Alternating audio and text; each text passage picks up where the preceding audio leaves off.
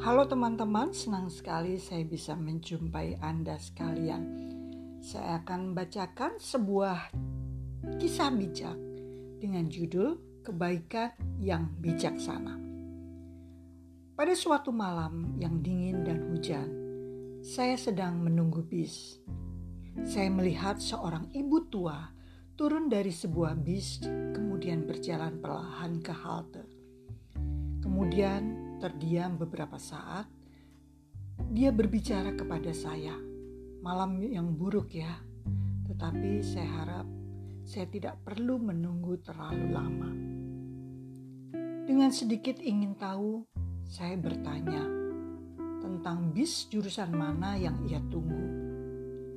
Kemudian ia menyebutkannya dan saya menjadi heran. Loh, Ibu baru saja turun dari bis tersebut. Mengapa? Maksud saya, mengapa ibu turun dari bis sebelum sampai tempat yang Anda tuju?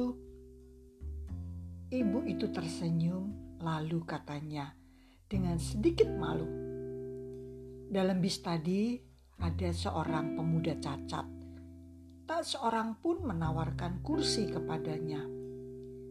Saya tahu bahwa ia akan merasa malu kalau seorang ibu tua seperti saya berdiri untuknya. Karena itu, saya pura-pura sudah waktunya untuk turun. Maka saya membunyikan bel ketika pemuda itu sedang berdiri di dekat kursi saya. Dia tidak malu, dan bagi saya selalu masih ada bis lain. Yang bisa kita tarik dari kisah ini? Mungkin kita juga pernah mengalami tidak peduli melihat orang lain berdiri di dalam kendaraan umum, di dalam kereta api maupun bis.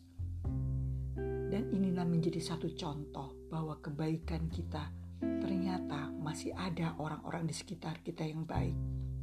Semoga kita pun bisa juga meneladaninya. Terima kasih. Anda sudah mendengarkan catatan harian Abdi Margono.